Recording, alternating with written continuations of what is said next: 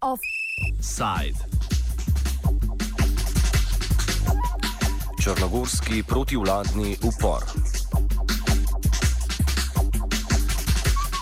Protivladno protestniško vrenje je minuli vikend zajelo tudi Črnogoro. Kot smo že poročali v rednih informativnih oddajah, se je v soboto v glavnem mestu Podgorica zbralo dobrih 400 protivladnih protestnikov, ki so izrazili nezadovoljstvo nad težkimi socialnimi razmerami v državi in korupcijo ter ignoranco oblasti.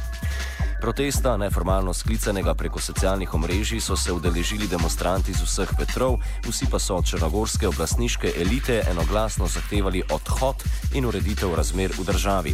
S protivladnim protestom so udeleženci poskušali tudi predramiti apatično črno črnogorsko družbo, da po dolgoletni oblastniški ignoranci glasno opozori na pereče probleme v državi.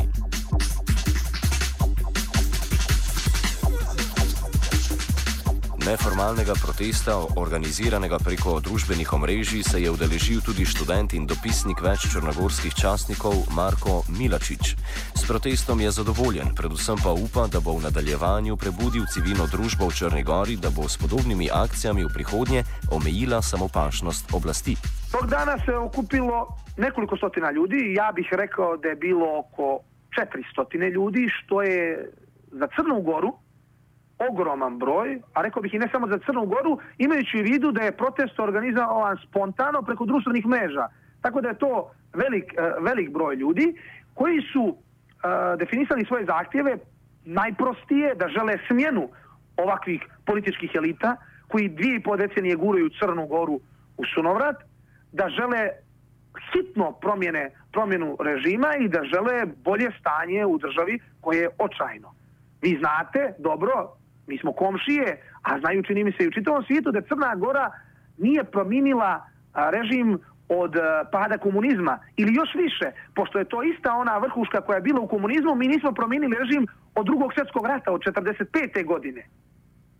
U stvari, da budem još precizniji, Crna Gora je jedinstvena u svijetu kao država koja nikada u istoriji na demokratski način na izborima nije promijenila režim. Možete sada da shvatite stanje u našoj državi bijes kod građana zbog svega toga. Kako ne izaći onda na ulice, kako ne protestovati, kako se ne buniti, kako ne sjesti na asfalt civilizovano, nenasilno, mirnodopski i tražiti bolje stanje u društvu. Ne, to se ovdje ne dozvoljava. Odmah idete u Maricu, iz Marice u policiju, iz policije u tužilaštvo, a iz tužilaštva u četiri sata ujutru sa lisicama u rukama idete u ćeliju i bivate zatvoreni na 48 sati kao jasna poruka ne može tako. Sami ste rekli da protesti u Crnoj Gori nisu česti, pa me zanima kakav je bio odziv javnosti i medija nakon subote, da ste dobili neku potporu širo u tom smislu i, i mislite da, se, da će se te protesti nastavljati u buduće?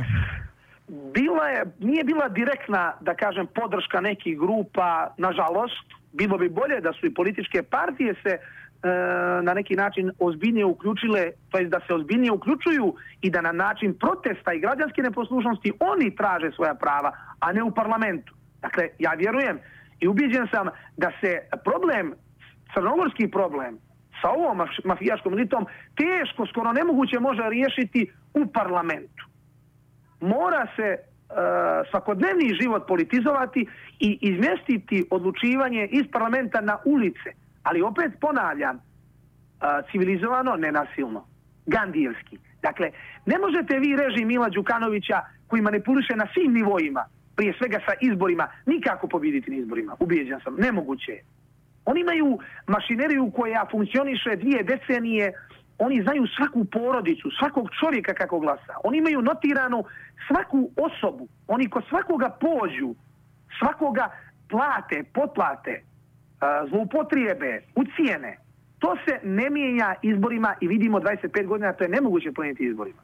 Zbog toga odziv koji je bio, mislim, treba biti veći i od strane političkih elita i podrška i od strane svih segmenata društva. Ipak, bio je dobar, mediji su da kažem prenosili, imajući vidu da je spontano ukupljanje sa društvenih mreža, tako da ja bih rekao da je ovo u suštini naročito ovaj vid koji smo mi zastupali građanske neposlušnosti, pravi recept kako treba dalje. I ja sam ubijeđen da će ova grupa ljudi koje su hapsili nastaviti na ovaj način i raditi na većoj organizaciji, omasovljavanju, uozbiljavanju nekih budućih brzih, nadam se, protesta. Kot je znano, pa podgoriški protesti niso minili brez nasilja. Po zboru pred črnogorskim parlamentom so se protestniki napotili pred močno zastraženo poslopje vlade. Manjšina, okoli 30 maskiranih posameznikov, domnevnih provokatorjev, je skušala na silo s kamenjem prebiti policijsko blokado in udreti v vladno zgradbo. Sledil je brutalen odgovor policije, ki je začela neselektivno silo odganjati vse udeležence protesta, pri tem pa je 20 posameznikov, kot se je izkazalo, kasneje posem miroljubnih, ki so med policijskim tepežem sedeli na tleh, tudi aretirala in jim dodelila 48-urni pripor.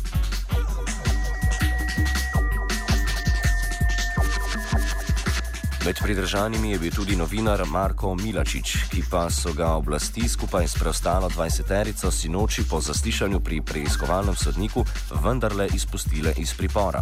Postopek zoper aretirane seveda teče dalje, Milačič pa je zgrožen nad oblastniško kriminalizacijo celotnih protestov, s katerimi želijo oblasti, podobno kot drugod po svetu, spomnimo tudi v Sloveniji, nepokorne državljane zastrašiti pred morebitnimi prihodnimi protestniškimi dejanji. Mi smo u stvari pušteni nakon 48-časovnog e, pritvora, juče oko dva sata. E, priveli su nas kao posljednju terorističku bandu i kriminalnu grupu, nas desetak studenata, penzionera, tročlana jedna porodica, novinara, istoričara, koji su, kojima je jedini grijeh što su sjedili na asfaltu, na ulici koja je u tom trenutku bila blokirana i nenasilno civilizovana pokušavali da prenesemo poruku mirnim putem o tome da želimo bolju državu i da ne želimo ovakvu mafijašku vlast koja vlada u Crnoj Gori 25 godina. To nije moglo da se istoleriše, naročito zbog toga što je tog dana upravo bio rođendan našeg gospodara i sedmostrukog premijera Mila Đukanovića, tako da nas je policija brutalno sklonila s ulice, utrpala uzgled udarajući neke od nas, utrpala u Maricu i direktno sprovela ko u policiju. Od tog trenutka, čitavog dana nisu nam dali ni da jedemo, od tog trenutka počinje agonija, jer su se prema nama, kao sam rekao, ponašali kao prema članovima neke kriminalne bande. E, riječ je o neviđenoj represiji i ataku na građanske slobode i na ustavom zagarantovana prava, jer je ovo svako normalan to vidi klasičan politički proces koji ima za cilj disciplinovanje svih onih koji bi se mogli usuditi na nešto slično, na neki sličan e, način građanske neposlušnosti, e, koji bi se mogli usuditi na širenje ovog zaraznog virusa, e, slobode, na otpor, na bunt, na nemirenje. Dakle, oni obično znaju da oni nama ne mogu uticati na nas, na tu grupu ljudi mladih koji su već, da kažem, prepoznati kao ljudi koji se time bave i koji se bore. Međutim, oni imaju jasnu računicu koja kaže da će određeni broj kolebljivaca se upecati i pomisliti ako su oni završili u zatvoru nakon nemirenja, zašto ne bih ni i ja. Dakle, ovdje se želi uspostaviti jedna matrica ako se ponaša slobodno, ako praktikuješ civilizovani način otpora, završit ćeš u zatvoru. Dok istovremeno ljudi koji su osvjedočeni kriminalci, kakvih imamo u samom vrhu vlasti i u samom premijeru, su na slobodi, koji šetaju slobodno ovom državom.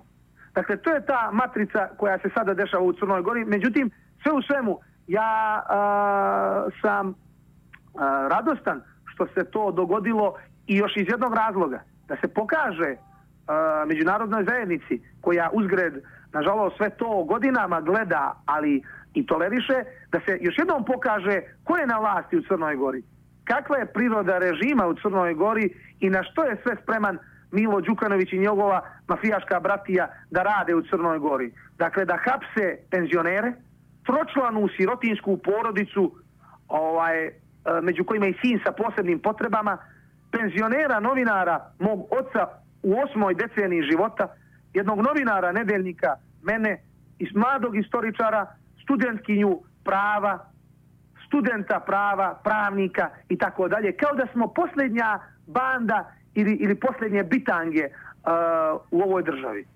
Šta vas službeno vlasti terete i kako gledate na ove, o, ove odgovore vlasti da je bila reakcija policije na neki način nužna jer su htjeli protestnike navodno provaliti u, u zgradu vlade?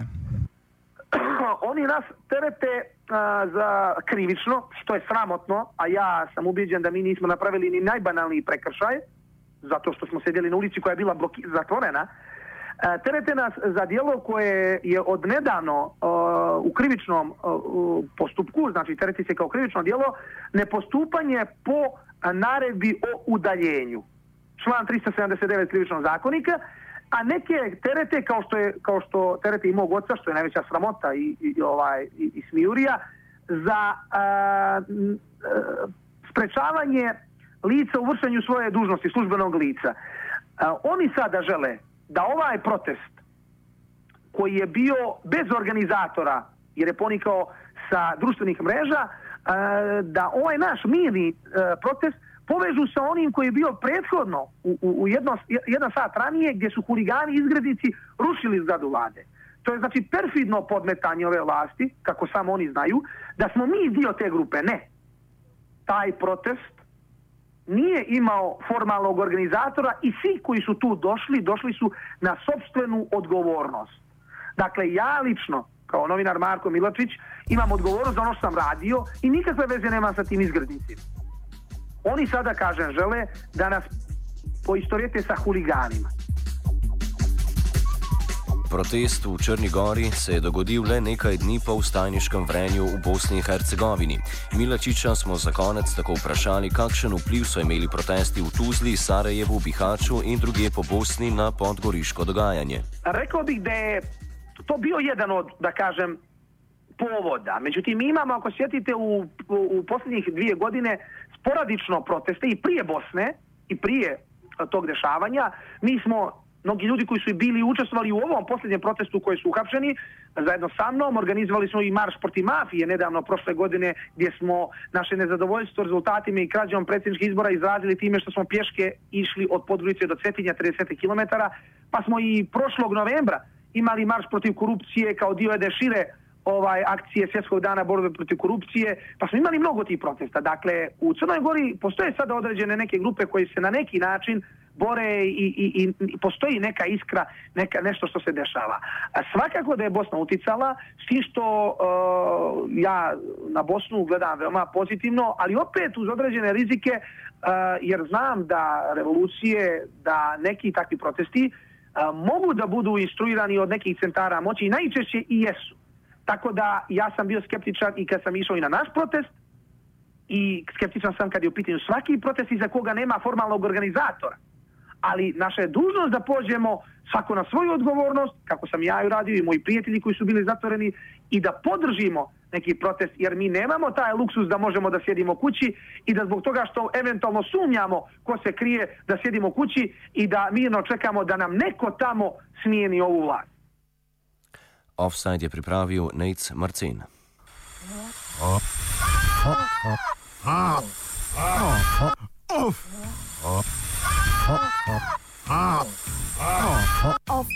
Offside.